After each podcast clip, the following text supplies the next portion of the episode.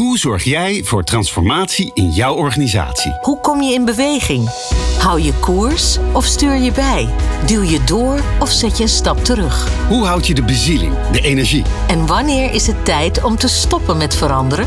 In Verandergasten vragen we het aan mensen die verandering vormgeven. Leer van hen hoe zij hebben geworsteld, hebben gefaald en hebben overwonnen. Dit is de podcast van Cede de Boer over het realiseren van transformaties. Leiderschap is in alle organisaties van belang, maar bij de politie voel je direct dat het belang zwaarder is. De stress is hoger, de beslissingen hebben grotere impact en dat alles vaak op straat en in de openbaarheid. Hoe geef je vorm aan dat leiderschap en de ontwikkeling van de organisatie?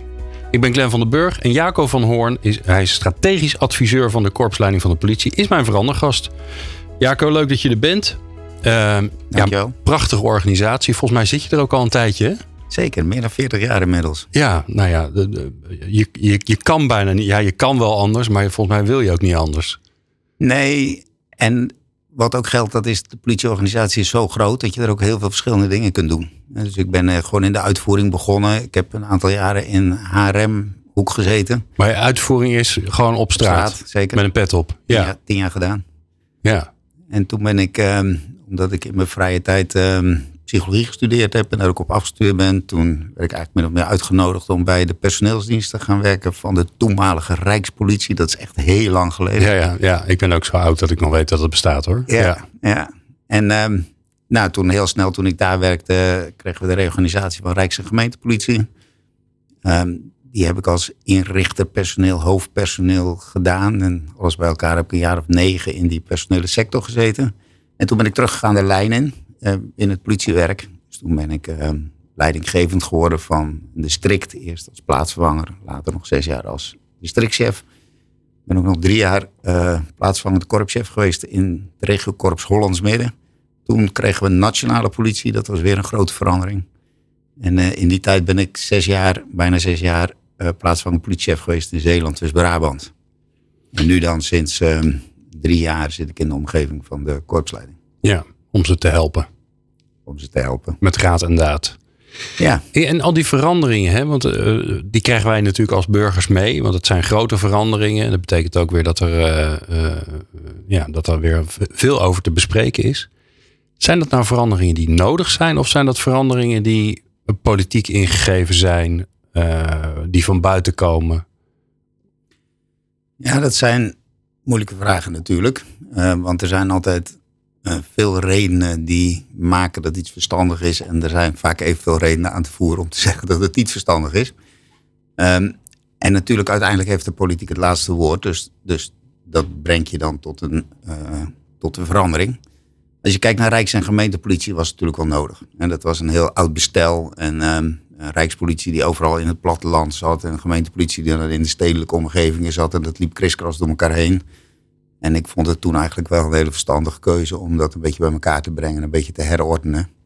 Zodat, uh, ik weet nog dat uh, toen ik in Nieuwekerk werkte, uh, was er een overval in Gouda. Wij vingen de boeven en dan zette Gouda in de krant dat ze de boeven gevangen hadden. Ja, dat voelde niet goed. En dat vonden wij niet leuk. Nee. Nou ja, dat soort rare dingen, dat is goed dat we daar vanaf zijn. Um, nou ja, de, de, de, de, de, vorming van de nationale politie is natuurlijk buitengewoon veel discussie over geweest. Uh, maar uiteindelijk nou ja, in ieder geval was het politieke sentiment op een gegeven moment zo dat daar um, uh, toch heel overtuigend voor gekozen is. Zo overtuigend dat de Tweede Kamer eigenlijk met een minimaal debat en met 150 stemmen voor uh, gezegd heeft dat het moest gaan gebeuren. Ja, dat is tegenwoordig ook al uniek hè? Zeker. Ja. Ik, ik noemde het al even in het begin. Het is ook een van de onderwerpen waar jij heel druk mee bezig bent binnen de, uh, binnen de politie. leiderschap. Kan jij in jouw woorden aangeven waarom dat leiderschap zo belangrijk is, juist binnen de politie? Jazeker. Um, Kijk, leiderschap is altijd belangrijk.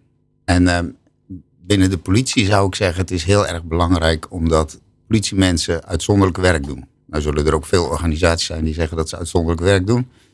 Maar um, als je bedenkt dat mijn collega's um, naar dodelijke aanrijdingen gaan, naar suïcides, reanimeren, naar gewapende overvallen. Waarbij je eigenlijk van tevoren niet weet of dat je uh, oog in oog met een gewapende overvaller komt te staan. Of met iemand die, die net de dood in de ogen gekeken heeft omdat hij overvallen is.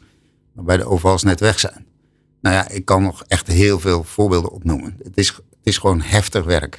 wat politiemensen hebben te doen. Kijk nu ook naar de, ja, de maatschappelijke onrusten, de boerenrellen rond corona. Als je dan ziet wat collega's daarin meemaken. Nou, dat vraagt in de eerste plaats zorg.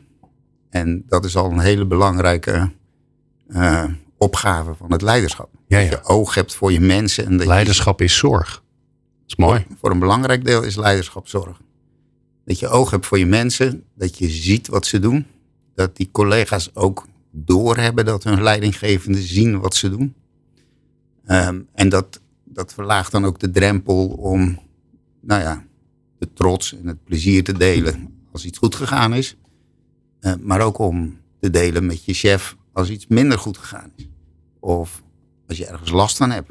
Of als je denkt, heb ik dat wel goed gedaan? Kunnen we er eens over praten hoe we het de volgende keer beter kunnen doen?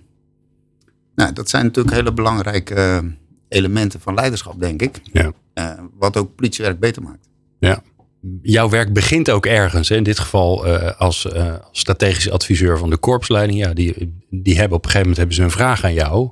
En dan ga je aan de slag. Verandergasten. Beginnen met veranderen. Ja, het begint altijd ergens. Hoe begint het bij jou? Dus hoe begint het uh, uh, in, jou, in jouzelf als je start met een verandering? Wat, wat vraagt het van jou als mens? Nou ja, um, rond leiderschap is het bij mij zo gegaan. Ik ben eigenlijk al heel lang direct of indirect betrokken bij leiderschapsontwikkeling binnen de politie. Nu was het zo dat er in 2019, eind 2019, is er een nieuwe visie op politieleiderschap vastgesteld. Ik vond dat een prachtig verhaal. Dat, dat, dat zei gewoon precies in mijn beleving wat het zou moeten zijn. Maar ik, ik was in gesprek met mijn uh, leiding, met de korpsleiding. Um, en ik zei, is het misschien een idee uh, om te stoppen met het schrijven van visies, maar zullen we ons eens gaan richten op hoe we nou in de praktijk ontwikkeling gaan krijgen hierin? Want wat is namelijk het probleem? Het probleem is dat we een prachtige visie hebben. En als je in de tijd teruggaat, dan uh, zie je dat we die eigenlijk al min of meer sinds 2008 hebben. Uh, maar er is een te grote groep in de organisatie die uh, niet het gevoel heeft dat die visie ook in praktijk wordt gebracht. Je kan het ook anders zeggen, er is een grote groep, te grote groep in de organisatie die het gevoel heeft dat ze ondanks die mooie visie toch niet gezien en gehoord worden in hun werk en ook in hun persoon en in de dingen die erbij horen. En ja, dat is natuurlijk ernstig. Maar het klinkt alsof jij de, zelf de aanleiding bent geweest van je eigen opdracht. Nou ja, ik heb wel op een gegeven moment gezegd, zullen we daarmee aan de slag gaan? En uh, nou, dat werd uh, direct omarmd. En het is niet zo dat ik natuurlijk de enige ben die dat zag. Want uh, we hadden een paar jaar daarvoor een, um, een soort medewerkersonderzoek gehad. overigens een extern en een interne vertrouwens- en reputatiemonitor. En daaruit bleek dat het vertrouwen buiten was gestegen en binnen was gedaald. Nou, dat, dat, heeft de korpsleiding zich toen ook heel erg aangetrokken. Toen, toen, gingen er ook ineens begrippen klinken als menselijke maat en zorg voor elkaar en dat soort dingen. Maar tegelijkertijd de interventies daarop, die waren nog niet heel erg Ja. zichtbaar. En, dus het eh, was wel in woord, maar nog niet in daad. Zeker. En, uh, nou ja, en, en zeg maar die, uh, dat gesprekje wat ik toen had, dat is eigenlijk de aanleiding geweest om met, die, met deze opgave aan de slag te gaan. Ja. Nou, deze vraag stellen we aan al onze gasten. En als jij uh, een aflevering geluisterd hebt, dan weet je dat die gaat komen. Welk instrument ben jij? Ja, dus als je naar jezelf kijkt als instrument in een verandering. En je vertaalt het naar een echt instrument. Een instrument wat je kunt bespelen waar muziek uitkomt. Welk instrument ben je dan? Ja, ik heb er inderdaad over nagedacht en ik kwam er eigenlijk op uh, twee. Uh, als dat mag. Ja. En ik weet ook niet of dat ik ze helemaal goed gebruik, maar dat laat ik maar aan de muziekdeskundige over. Maar de eerste is dat ik dacht, ik ben een, uh, een, een, een, drum. Of een, uh, je kan het ook een basgitaar noemen. Wat ik heel belangrijk vind, is dat er een soort ritme in blijft. En dat ritme, dat staat voor mij dan ook voor beweging. Dus ik ben altijd erg gefocust op, um, blijft er iets bewegen. En, um, en, en, en, soms wil je dat het hard gaat. Meestal gaat het niet zo hard als dat ik graag wil. Maar daar raak ik niet direct van in paniek. Um, ik raak wel in paniek als ik denk, hé, hey, het zit vast er beweegt niks meer. Dus dat ritme dat moet helpen om dat nummer voor te stuwen als het ware. Ja, past ook een beetje wat je net vertelde natuurlijk. Hè? Dat is een mooie visie, maar eigenlijk gebeurt ja. er niks. En dan, ja. dan gaat er iets dan kriebelen. word ik onrustig. Ja. ja. En het tweede instrument, daar heb ik ook lang over nagedacht. Maar ik kom dan uit op iets, ik weet ook helemaal niet goed gebruik. Maar ik kom dan uit op, uit op iets als een saxofoon. Hè? Het leuke van de saxofoon vind ik vind het altijd een meeslepend instrument. Mooie van een saxofoon vind ik dat je een, uh, je hebt een muzieknummer met uh, coupletten en refreins. En dan heb je ineens zo'n saxofoon die er tussendoor zo'n mooie bewerking doet. Uh, of die in het lied zelf een soort onderstem of bovenstem doet. En dan denk ik, dat maakt het vrolijk. En dat geeft, dat, dat maakt mensen enthousiast voor dit nummer. En wat ik ermee bedoel is, ik vind eigenlijk dat als je een beweging op gang brengt, dan moet je een verhaal hebben. Je moet kunnen laten doorklinken wat, het, wat de zin is van de verandering. En dat moet je op zo'n manier doen dat mensen zeggen: hé, hey, dat is leuk. Dat, dat snap ik. Of daar wil ik aan meedoen. Of um, ik, ik begrijp waar we naartoe gaan. Of uh, daar wil ik eigenlijk wel onderdeel van uit zijn. Nou, nogmaals, misschien is de stap naar de saxofoon een beetje vergezocht. Hè? Nee, ik, ik, ik zoek naar iets waar, waardoor mensen zeggen... Um, nou ja, waar je mensen eigenlijk in uitnodigt om, uh, om mee te gaan in je beweging. Ja. Hoe ziet dat eruit als je dat aan het doen bent? Dus als jij zorgt voor die, voor die kleur, voor dat verhaal, voor datgene waar iemand uh, enthousiast of in ieder geval een gevoel bij krijgt. Nou ja, kijk, toen ik begonnen ben, toen um, heb ik uh, een berichtje op ons intranet in het korps gezet. En daar stond dat ik begonnen was met deze opdracht. Nog twee opdrachten, maar ook deze. En toen heb ik daarin gezet want eh, de boodschap was ook dat ik stopte met mijn vorige functie en dat ik dit ging doen. En uh, toen heb ik erin gezet, iedereen die hier een idee bij heeft, die mag contact met me opnemen. En toen hebben zo'n 40 mensen contact met me opgenomen, het korps. En die heb ik allemaal gebeld. En ik heb het tegen allemaal gezegd van, nou leuk die contact, dat je dat je, je, je hebt gemeld. Wat heb je tegen me te vertellen? En dan kreeg je de meest uiteenlopende verhalen. Sommigen gaven gewoon praktijkverhalen over hoe het misgegaan was. Of die gaven verhalen hoe ze het zelf goed gedaan hadden. Maar die gaven ook al ideeën over wat er zou moeten gebeuren. En ehm, nou ja, daar uh, maakte ik allemaal wat notities van. En uh, bij iedereen sloot ik het gesprek af van... Um, zie je kans voor jezelf om mee te doen in de ontwikkeling die we gaan doen? Ik zeg, ik weet nog niet hoe. En misschien heb ik je ook niet nodig, maar zou je het willen? Nou, dan gaven mensen ook daar hun ideeën over. En uh, nou, zodoende kreeg ik al een soort eerste netwerkje...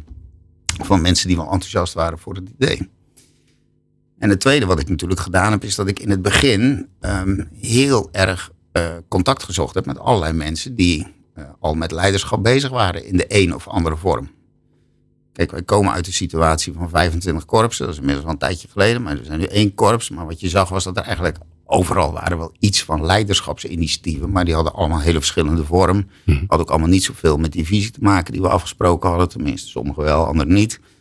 Um, maar wel mensen die toch met een bepaalde inzet daarmee bezig waren. Die heb ik ook allemaal gecontact en gevraagd van willen jullie nou eens opschrijven wat jullie aan het doen zijn. Heel kort hoor, allemaal op één A4'tje met een paar vragen. Um, uh, wat is nou precies de focus van jouw inbreng? Uh, wat gaat er goed in? Wat gaat er minder goed in? Wat heb je nodig? Nou, het was heel leuk. Ik kreeg zo'n, ik denk wel 28 van dit soort initiatieven heb ik verzameld. Uh, en die ging ook wel een beetje alle kanten op. Maar een van de dingen die ze nodig hadden was samenhang en afstemming. Toen dacht ik, hé, hey, kijk, uh, hier dringt zich iets van een rol voor mij op. Dus uh, toen ben ik met hen in gesprek gegaan over de vraag: hoe krijgen we die, hoe kunnen we die afstemming aanbrengen? Maar dat klinkt alsof je, alsof je aan het verkennen bent. Alsof ja, je, heel erg verkennen. Ja. En, en, en, en wat, wat is dat nou? Wat is het in jou dat je dat van nature kan? Want het klinkt niet alsof je achter een bureau bent gaan zitten en een plan bent gaan schrijven nou ja, en dacht, hm, ik ga dit eerst doen. Ik weet het niet. Ik, ik ben nieuwsgierig. Hè. Uh, als mensen vol overgave ergens aan bezig, mee bezig zijn, dan denk ik, ja, er is toch iets wat je drijft en wat je, waar, waar je passie zit, waar, je, waar ook je, je hoop, hè, je, je verlangen zit. Um, en daar zal vast iets goeds in zitten. Dus daar ben ik er sowieso in geïnteresseerd. Um, en het tweede, dat is, um, weet je, ik geloof ook niet uh, erin dat als je een stuk papier maakt waar je precies op zet hoe het zou moeten, dat je, dat je het dan hebt. He, dus dus um, ik geloof ook niet in een plan. Um, dus ik ben heel erg van organisch ontwikkelen. Dus ik breng die mensen bij elkaar en ik, en ik probeer tot een gedeeld verhaal te komen. En ik geef best voorzetten daarvoor. Ik ben ook echt niet te beroerd om wel een keer achter een pc te gaan zitten en een stukje op papier te hebben. Maar dan geef ik dan onmiddellijk weer in bespreking. En dan zeg ik, spreek dit aan. Uh, vinden jullie dit goed? Moet het een beetje anders? Nou, er zijn altijd wel een paar mensen die zeggen... ja, ik zou die zin echt anders opschrijven. Nou, dan zet ik die zin anders op. Hè. Ik bedoel, de wereld verandert niet doordat ik die zin wel of niet anders opschrijf. Maar zodoende betrek je mensen en zo ga je aan de slag. En vanuit dat gesprek waar je naartoe wil, hè, dat is, dan krijg je dat wat ik net met die saxofoon zei, dan krijg je een beetje dat gedeelde verhaal wat je wil. Ehm, ehm, nou ja, van daaruit ga je dan ook nadenken van wat hebben we dan te doen met elkaar. En, en dat orden je en, en, en dat geef je ook weer terug. Dan zeg je, kennen jullie deze ordening? En, eh, zullen we en wie wil dan een beetje op dat spoor en wie wil een beetje op dat spoor meedoen? En zo, zo groeit dat dan. Het interessante lijkt me dat als je vorm geeft aan nieuw leiderschap, of in ieder geval het leiderschap zoals je het ongeveer zou willen hebben, dan wordt er natuurlijk vooral ook naar jou gekeken, of naar jou en je collega's gekeken die ermee bezig zijn, hoe jullie het zelf doen. Ja. Ooit heeft een, eh, een, een wijs mens tegen mij gezegd: als je van A naar B wil, dan moet je dat wel op de B-manier doen, want anders gaat het niet goed komen. Ja. Lukt je dat? Gaat je, gaat je dat makkelijk af? Ja, dat is natuurlijk een beetje gewetensvraag. Laat ik nog één ding vertellen over eh, wat we nou bedacht hebben om te gaan doen. Mhm. Ehm, kijk, ehm, wij hadden een hele mooie visie. En in die visie staat de medewerker centraal als degene die het werk doet. En ik daag elke leiding- leidinggevende uit om te vertellen dat het anders zit. Want als jij je medewerkers naar dodelijke aanrijdingen en naar bankovervallen stuurt, dan moet jij maar eens even zeggen dat dat niet eh, de professional is, zeg maar, die het daar moet doen. Je bent er dan niet bij. Nee, Hè? dat wou ik zeggen. Er is niemand om je handje vast te houden. dus dat betekent dat je in mijn beleving niet anders als zo naar medewerkers kan kijken. En dat betekent ook dat je als leiderschap maar één ding kan doen. En dat is met die professionals in verbinding zijn. Zorgen dat je weet wat ze meemaken, wat ze doen. Hun complimenteren als ze het goed doen. En met hen in een verstandig gesprek gaan als je denkt, zou het beter kunnen? En als je een goede open sfeer creëert, dan kun je dat gesprek ook heel goed met elkaar voeren. Ja. Ehm, er staat veel meer in die visie. Maar wat ik eh, gedaan heb, dat is dat we die visie teruggebracht hebben tot één zin. En die ene zin is dat leiderschap is in verbinding zijn met je medewerkers. Dus ik heb het simpel gemaakt. En als ze dan zeggen, wat bedoel je nou? Dan zeg ik, nou wat ik bedoel is dat er 20% van de collega's in ons korps, en we hebben er 65.000, dus dat zijn echt heel veel mensen, die hebben niet het gevoel Hm.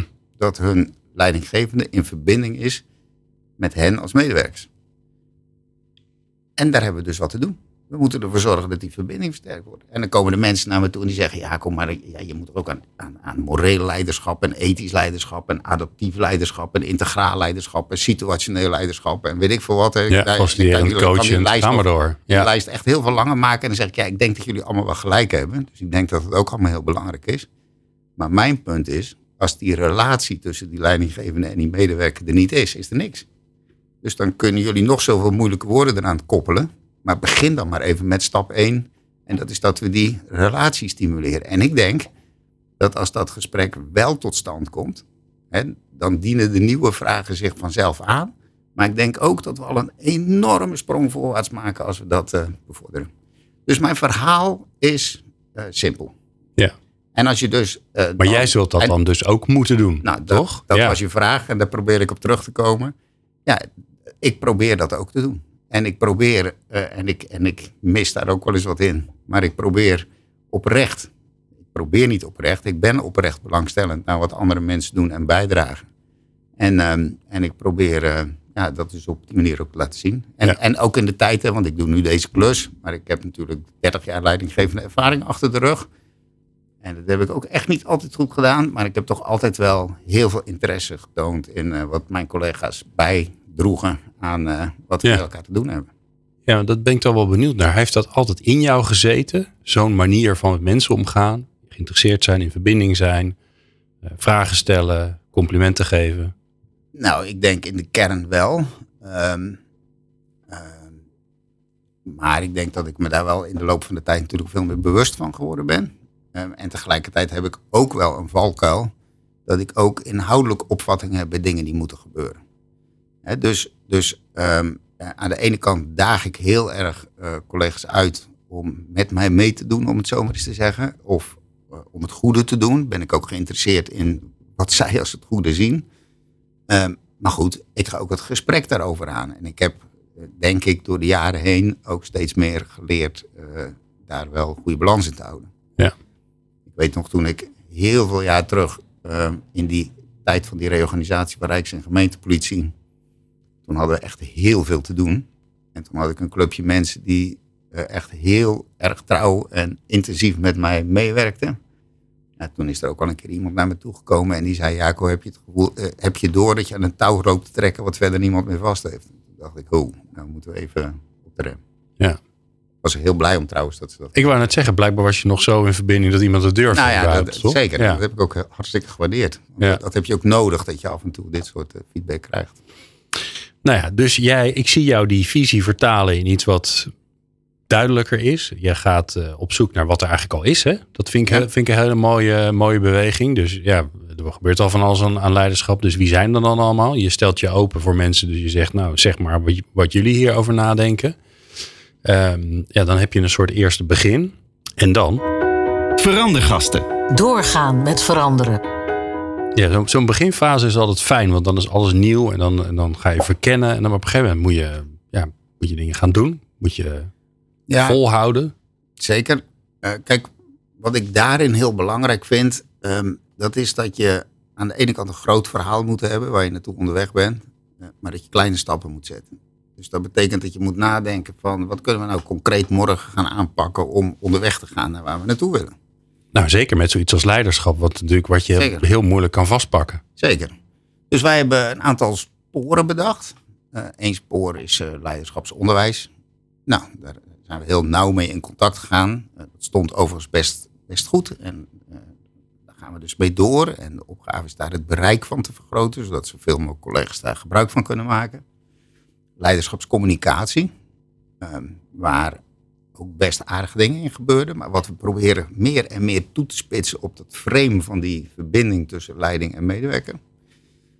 Ehm, dan zijn er in ons hele korps heel veel eh, interventie-instrumenten in de praktijk. Zoveel dat we het overzicht totaal niet hebben. En waarbij je ook kan afvragen of ze allemaal bijdragen aan wat we nu willen. Dus die zijn we tegen het licht aan het houden. Maar we zijn ook heel erg met onze HRM-afdelingen in gesprek. En dat is wel mooi dat dat gesprek ook echt goed gaat. Eh, mensen zijn eigenlijk blij dat we hun daar vragen over stellen. We vragen hun, jullie inbreng, helpt die nou ook in die gewenste leiderschapsontwikkeling? En die instrumenten die er zijn, kennen jullie die en benutten jullie die ook? Je ziet in zo'n hele grote organisatie als de onze dat je snel verkokert. Dat de ene club eigenlijk niet meer goed weet wat de andere club aan het doen is. Proberen we bij elkaar te brengen. Dus we proberen interventies in de praktijk ehm, eh, toegankelijker te maken en, ehm, en, en op het voetlicht te brengen. En ook via al die mensen die er al rondlopen, die, die, die HR-adviseurs, proberen we die ook eh, actief aan te bieden. Wat we eh, als vijfde spoor propageren, dat is dat we tegen eh, eenheidsleidingen en sectorleidingen, hè, dus districtchefs en zo, zeggen: geef het goede voorbeeld. Ga zelf ook naar die teams toe. Ga in het midden zitten. Ga gewoon luisteren. Maak zelf ook die verbinding. Dat is goed voor je eigen leiderschap. Eh, maar bovendien, je geeft ook het voorbeeld aan teamchefs en andere leidinggevenden dat dat dus kennelijk heel belangrijk is. En bovendien geeft het een boost aan de collega's die ineens die aandacht krijgen. En het vijfde spoor is dat we eh, proberen dingen op te sporen eh, en vervolgens te agenderen. Waarvan we denken dat die of belemmerend zijn eh, in de goede leiderschapsontwikkeling of juist die heel erg kunnen stimuleren. Ja. Nou, en zo hebben we die vijf sporen, die hebben we ook allemaal mensen op actief gemaakt. Overigens, misschien nog goed om te zeggen dat ik mijn klus op leiderschap met twee collega's doe, die met mij meewerken. Maar voor de rest doen we alles met mensen uit de organisatie. Dus we proberen Ja, ja er, is niet beweging, een, er is niet een soort programmateam die dit programmateam, dedicated doet. geen projectteam. Is dat, een, dat klinkt als een bewuste keuze. Nou, dat is een hele bewuste keuze. Ehm, omdat ik denk dat. Kijk, ik heb ook geen projectplan. Ik ben ook geen programma. Het eh, hele enge daarvan vind ik altijd dat je Ik van zie de tevoren. afschuw van je gezicht ruimen. Dat je van tevoren moet afschrijven. Kijk, ja, nou ja, er zit altijd iets heel tragisch Geen in. hè. mijlpalen. Nee, want kijk, mensen die daarmee werken, organiseren bij voorbaat al hun eigen teleurstelling. Want het komt namelijk nooit uit. En buiten het feit dat alle weerbarstigheden die je toch al op te lossen hebt, krijg je dan ook nog eens de vragen erbij waarom je niet gedaan hebt wat je beloofd hebt. Terwijl je eigenlijk, dus dan ga je uitleggen, nou ja, het was toch iets complexer dan wat ik gedacht had, maar dat wist je van tevoren al. Dus, dus, dus ik vind het belangrijk dat je koers houdt. Dat je blijft opletten of de beweging is. En dat je mensen mobiliseert. En, en dan kun je zeggen... Maar, ja, er maar- moet, maar er moet er ook iemand zijn die dat vertrouwen aan jou geeft. Want Ja, er zijn dat- genoeg mensen die zeggen... eh, ja, beste Jaco is leuk, maar je krijgt een hoop tijd en een hoop eh, resources. Eh, ik wil wel even zien hoe je dat allemaal managt. Ja, en, kijk, en dat vertrouwen kun je ook op een andere manier verwerven. Hè? Dus je kan dat vertrouwen verwerven, denken mensen. Maar meestal wordt dat toch een soort van debakel. Doordat je zegt, nou ja, 1 januari volgend jaar sta ik daar. En dan gaan we met z'n allen kijken of het er echt staat. En dan is het wel of niet of zo, of weet ik veel. Maar je kunt ook gewoon proberen permanent in gesprek te zijn... met de mensen die relevantie hechten aan wat je aan het doen bent. Ja, in verbinding. en- in daar is hij weer. Ja, daar is hij weer. En, en dat geldt natuurlijk de- mensen die de dingen moeten doen. Daar ben je zeker mee in gesprek. Maar ook je stakeholders. En nou, het kwam... eh, Maar help ons eens, hoe ziet dat eruit? Want wat, wat ik, Nou ja, als ik een grote organisatie voor me zie, dan voordat je het weet is er een stuurgroep. ja, die hebben wij niet. Nee, kijk, ik heb dus in de korpsleiding een opdrachtgever. Daar praat ik één keer per maand mee. En dan vertel ik wat ik allemaal aan het doen ben.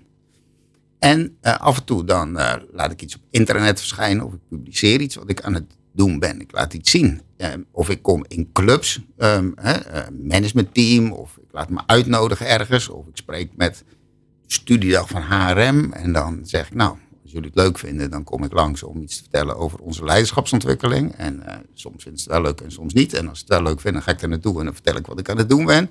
Dus ik zorg dat die beweging, eh, tenminste ik probeer ervoor te zorgen dat die beweging gaande is en dat het ook gezien wordt.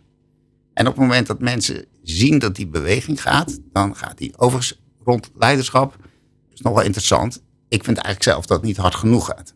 En dat maakt, ehm, en, en er zit dus iets heel hardnekkigs in. Want ik vertelde dat eigenlijk sinds 2008, dat was nog in het vorige bestel, is er een werkgeversvisie geschreven die zei dat we het op deze manier zouden moeten doen. Daarvoor was het heel anders. Daarvoor hadden we het New Public Management.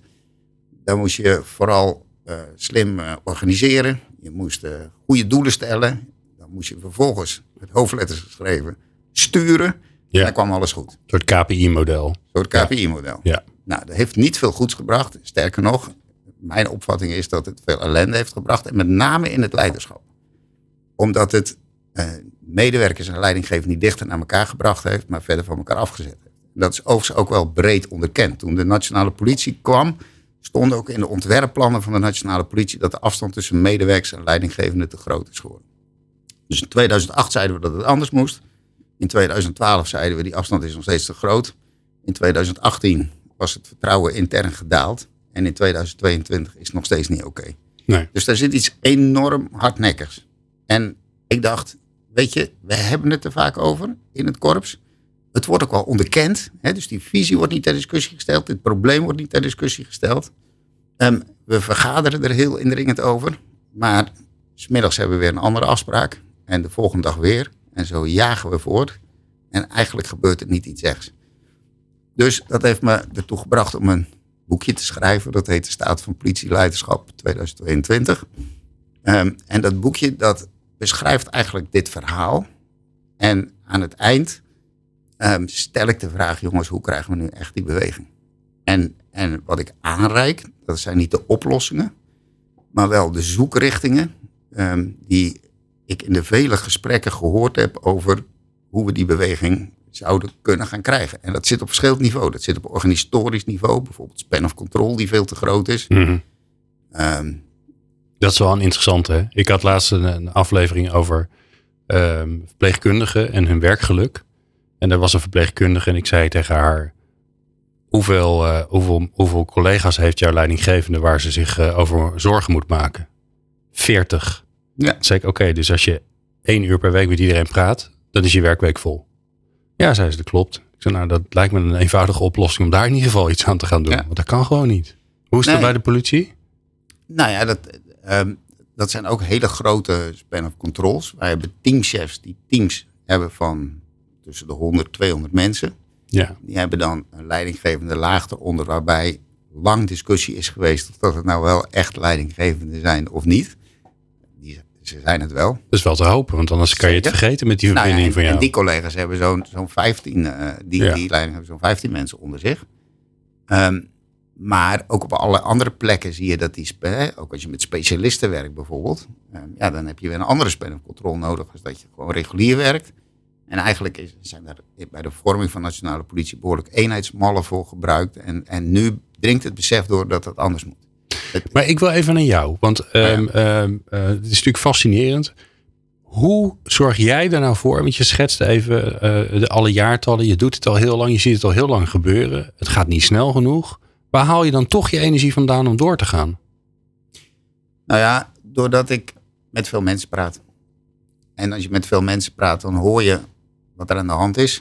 Dan hoor je ook wel de pijn soms. Of je hoort de weerbarstigheid. Ehm, en dat motiveert mij wel. Het verhalen en het contact met de mensen. Die Zeker. verbinding blijft wel als een dolle terugkomen elke keer. Hè? Ja, Ja. Ik denk het wel. Nou ja, weet je, wij zijn ook gewoon een mensenbedrijf. ja. Er zijn natuurlijk allerlei mensen, eh, we hebben de meest gekke functies in de organisatie, bedrijfsarchitecten en zo. En er zit ook allemaal rationaliteit achter. En die collega's doen ook zeer toegewijd hun werk. Eh, maar wij zijn gewoon een mensenorganisatie. Hè? En natuurlijk is er een vorm van organisatie en management nodig. En dat begrijp, dat begrijp ik ook allemaal. Ehm, alleen, ehm, wat, zelf, wat, wat zet je voorop? Ja. Kijk, ik heb, ik heb in die gesprekken over wat is er nou aan de hand en waarom zit het vast, ook aan het hoogste management gevraagd. Ik zeg, mag ik jullie een vraag stellen? Ehm, geloven jullie nu echt dat onze medewerkers professionals zijn? En als je het antwoord op die vraag zoekt, dan moet je bij jezelf de vraag stellen: bij welke beïnvloedingsmethode voel je jezelf het meest senang? Ja. En als dan het woord sturen in je gedachten komt, dan denk je toch dat jij het beter weet dan die professionals. Dus dan is het maar de vraag of dat je onze visie onderschrijft. Ja. Ja. Nou, en dat, dat, ja. dat Vertrouw je mensen? Of hè, zijn, zijn, zijn je mensen zo volwassen dat ze te vertrouwen zijn? Of zijn je mensen Zeker. dat niet? En er zijn natuurlijk veel mensen die mij eh, eh, allerlei teleurstellende ervaringen met collega's uitleggen. En die zie ik zelf ook. Eh, maar voor mij geldt dan de vraag, hoe is dat zo gekomen? Hè, want ze hebben wel vol overtuiging bij de politie eh, gesolliciteerd. Durf echt met de hand op mijn hart te verzekeren dat heel veel politiemensen met heel veel bezieling hun werk doen. Ook echt het beste voor de samenleving willen brengen. Waar gaat het dan mis?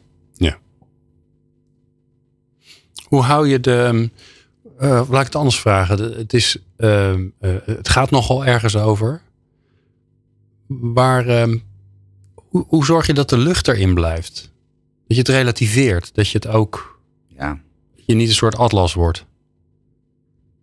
Nee, kijk, ehm, als dit ehm 14 jaar aan de gang is, dan heb ik wel geleerd te relativeren.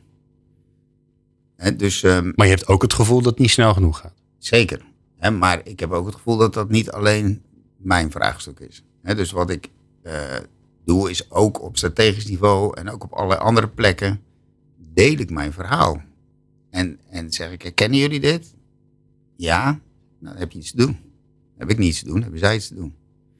En, is eh, dat ook het gevaar? Dat het bij jou blijft? Nee, het kan helemaal niet bij mij blijven. Nee. Ik kan het toch niet doen? Nee, maar ja. Ik kan er niet voor zorgen dat, dat, dat, dat, dat in een organisatie van 65.000 man het leiderschap verandert. Het enige wat ik kan doen, dat is dat ik eh, kan inspireren, misschien. Mijn verhaal kan vertellen. Ik heb dat geprobeerd dat verhaal zo simpel mogelijk te maken. Dan communiceert het ook lekker makkelijk. En wat ik verder kan doen, is zorgen dat het gesprek erover gevoerd wordt. Dat condities verbeteren, waaronder. We hebben bijvoorbeeld Ehm, en dat stamt nog echt uit die tijd van het eh, New Public Management. We hebben RNO-gesprekken, dat heet resultaten- en ontwikkelgesprekken. Dus de term zegt het al, resultaten- en ontwikkelgesprekken. Dat is een hele cyclus. En dan moet je een format door langs competenties en zo. Nou, één ding is zeker. eh, daar wordt niet, als je dat netjes doet zoals het bedoeld is. Gelukkig zijn er een heleboel die dat helemaal niet netjes doen zoals het bedoeld is. Maar als je het netjes doet zoals het bedoeld is, leidt dat niet tot het goede gesprek. Nee. En dan kom, je, dan kom je niet in verbinding met die collega's. Dus ja, een van de dingen die ik ook aan het bespreken ben. eh, en, en, en daar vind ik ook open oren voor. Dus ik vind het hartstikke mooi dat ik die gesprekken ook mag voeren en kan voeren. Maar een van de dingen die ik aan het bespreken ben, is zullen we dit misschien een beetje anders gaan doen? Ja. Of morgen mee stoppen. Het scheelt ook een hoop ja, tijd. dat is, eh, dat is ook anders. Kun je, weer- kun je Ja. je tijd wel anders besteden. We gaan naar de laatste fase. Verandergasten. Stoppen met veranderen. Ja. Het kan aan mij liggen, maar ik heb niet echt het gevoel dat jij daar nu al bent. Uh, met waar je nu mee bezig bent. Nou, dat weet ik niet. Ik ben er nog niet hoor, laten we daar helder over zijn. Maar ik zie wel uh, sporen van mijn einde. En wat zijn die sporen? Wat nou ja, zie je kijk, dan? het is hartstikke leuk. ik zie bijvoorbeeld dat bij leiderschapsopleidingen er heel veel eigenaarschap genomen wordt. Prachtig. Jongens, doorgaan. Ik zie dat uh, bij communicatie er ook op dit moment veel initiatief en creativiteit is om ermee verder te gaan. Prima. Zolang het goed gaat, gaat het goed. Wat heel leuk is, we hebben een nieuwe directeur HRM gekregen. En daar heb ik mee gesproken. En die zegt, ja, wat ik een beetje gek vind in deze organisatie, dat is, uh, ik doe HRM. Maar alles wat een beetje bijzonder is, er is een aparte programmadirecteur of programma, aparte trekker voor. Hè. Dat hebben we voor uh, bijzondere zorg en voor verzuim en uh, nu ook voor leiderschap. Dat ben jij dan. Ik zeg, vind je dat jij dat moet doen? Ze zegt, ja, eigenlijk vind ik dat ik dat moet doen, want dat hoort bij HRM. Ik zeg, dat ga jij doen. En ik ga je helpen. En uh, kijk, zodra ik denk, zij heeft het helemaal te pakken, dan ben ik klaar. Ja. En dan stop ik er ook mee. Dus wat ik, wat ik hoop, dat is dat de dingen die op gang gebracht worden en die ik probeer te stimuleren, dat die op, laat ik maar even zeggen, de goede plek in de organisatie terechtkomen en daar opgepakt worden. En als dat ja. gebeurt. Ja, eigenlijk zeg je, het is bijzonder gemaakt omdat het nodig was. En als het allemaal op de geëigende plek in de organisatie, als daar iedereen ermee bezig is, dan heb je eigenlijk je werk gedaan. Zeker. En dat is overigens, om daar nog even op terug te pakken, ook het grote voordeel dat ik geen groot projectteam heb of zo. Want wat je altijd ziet bij een projectteam, dat is dat die overdracht naar de staande organisatie niet plaatsvindt. En wat er dan gebeurt is, als de klus klaar is en je bouwt je projectteam af, dan is het ook gelijk weg. En maar wat, ik ben er heel erg op gericht om allerlei mensen uh, mee-eigenaar te maken van deze beweging. Of, Hoe weet je dat? Hoe weet jij nou dat jij het los kan laten en dat de ander het vast heeft? Nou, omdat ik voorlopig nog wel een beetje meekijk. Oké. Okay. En ik blijf er ook voorlopig nog wel over in gesprek. Dus dat is ook een beetje buikgevoel dat als je denkt van ja, weet je, kan het nu echt vertrouwd loslaten, dan, uh, dan is dat ook zo. Ja, dus je blijft in verbinding uh, om mensen ook te blijven helpen zolang dat nodig is. Zeker, ja. Alright. Hoe, hoe rond jij normaal gesproken een, uh, zo, zo'n periode voor jezelf af en voor de collega's waar je mee bezig bent? Ja, ik weet niet of dat heel omlijnd is. Um, ja, op een gegeven moment stop je ergens natuurlijk wel mee. Maar op het moment dat, dat anderen um, doorgaan met wat je op gang gebracht hebt, ja, dan gaat het stoppen heel vanzelf. Hè? Want uh, als ik niks meer te doen heb, dan stop ik mee. Ja. En, en, uh, maar doe je er een strik omheen voor jezelf? Of, of ben je al stiekem al begonnen aan het volgende? Nee, ik ben niet stiekem al begonnen aan het volgende. Ik heb naast, naast deze opdracht nog twee opdrachten. En daar heb ik mijn handen meer dan vol aan, voorlopig. Um, dus ik ben niet aan het nadenken over het volgende. Uh, maar de ervaring in mijn leven is wel dat, dat als er ruimte komt, dan vult zich dat altijd wel weer vrij snel.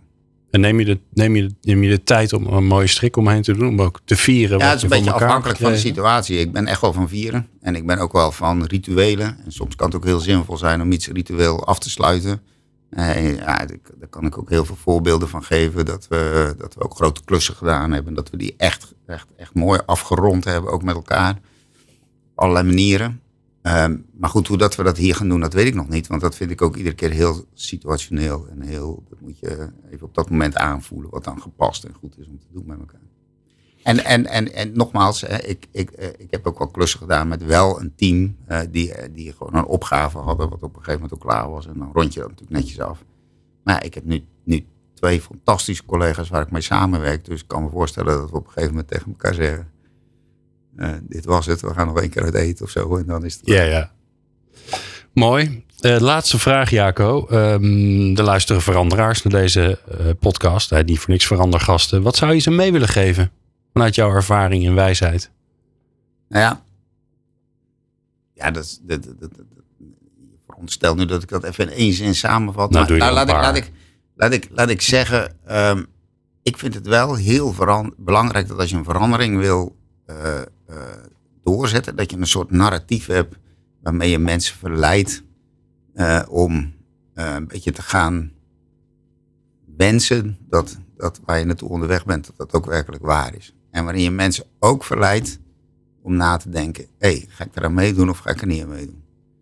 En uh, als ze eraan mee gaan doen, dan zijn ze buitengewoon welkom. Hè? Want hoe meer mensen aan jouw beweging meedoen, um, ja, hoe krachtiger die wordt. Daar ben ik echt van overtuigd. Ik dwing nooit iemand. Als iemand zegt, ja, ik heb hier helemaal geen zin in. Of uh, dat, dat, dat, dat, beïnvloedt te veel mijn huidige werk. Of weet ik veel wat voor redenen er allemaal zijn. Of ik heb het te druk. Dan zeg ik, nou, doe je niet mee. Dan ga ik met anderen verder. Ga wel verder. Ja, maar je stopt er dus ook geen energie meer in. Dat is interessant.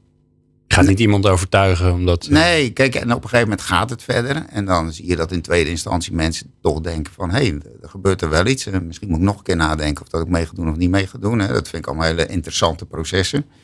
Maar ik richt me wel vooral op de beweging. Dus ik ben heel erg van de beweging. En iedereen die daar aan meedoet, die is mijn vriend, zou ik bijna zeggen. En de anderen, die zijn helemaal niet, niet mijn vriend. Maar, um, um, maar goed, daar doen we het mee. En... Um, nou, zo gaan we verder. Mooi. Dank jou zeer. Uh, Jacob van Hoorn, daar heb je naar geluisterd. Strategisch adviseur van de korpsleiding van de politie. En jij natuurlijk. Dankjewel voor het luisteren. Dank voor het luisteren naar Verandergasten. De podcast van Cede de Boer over het realiseren van transformaties. Je helpt ons enorm met 5 sterren, een like, follow of duimpje. Meer afleveringen vind je in jouw favoriete podcast app. Vergeet je niet te abonneren als je niks wilt missen.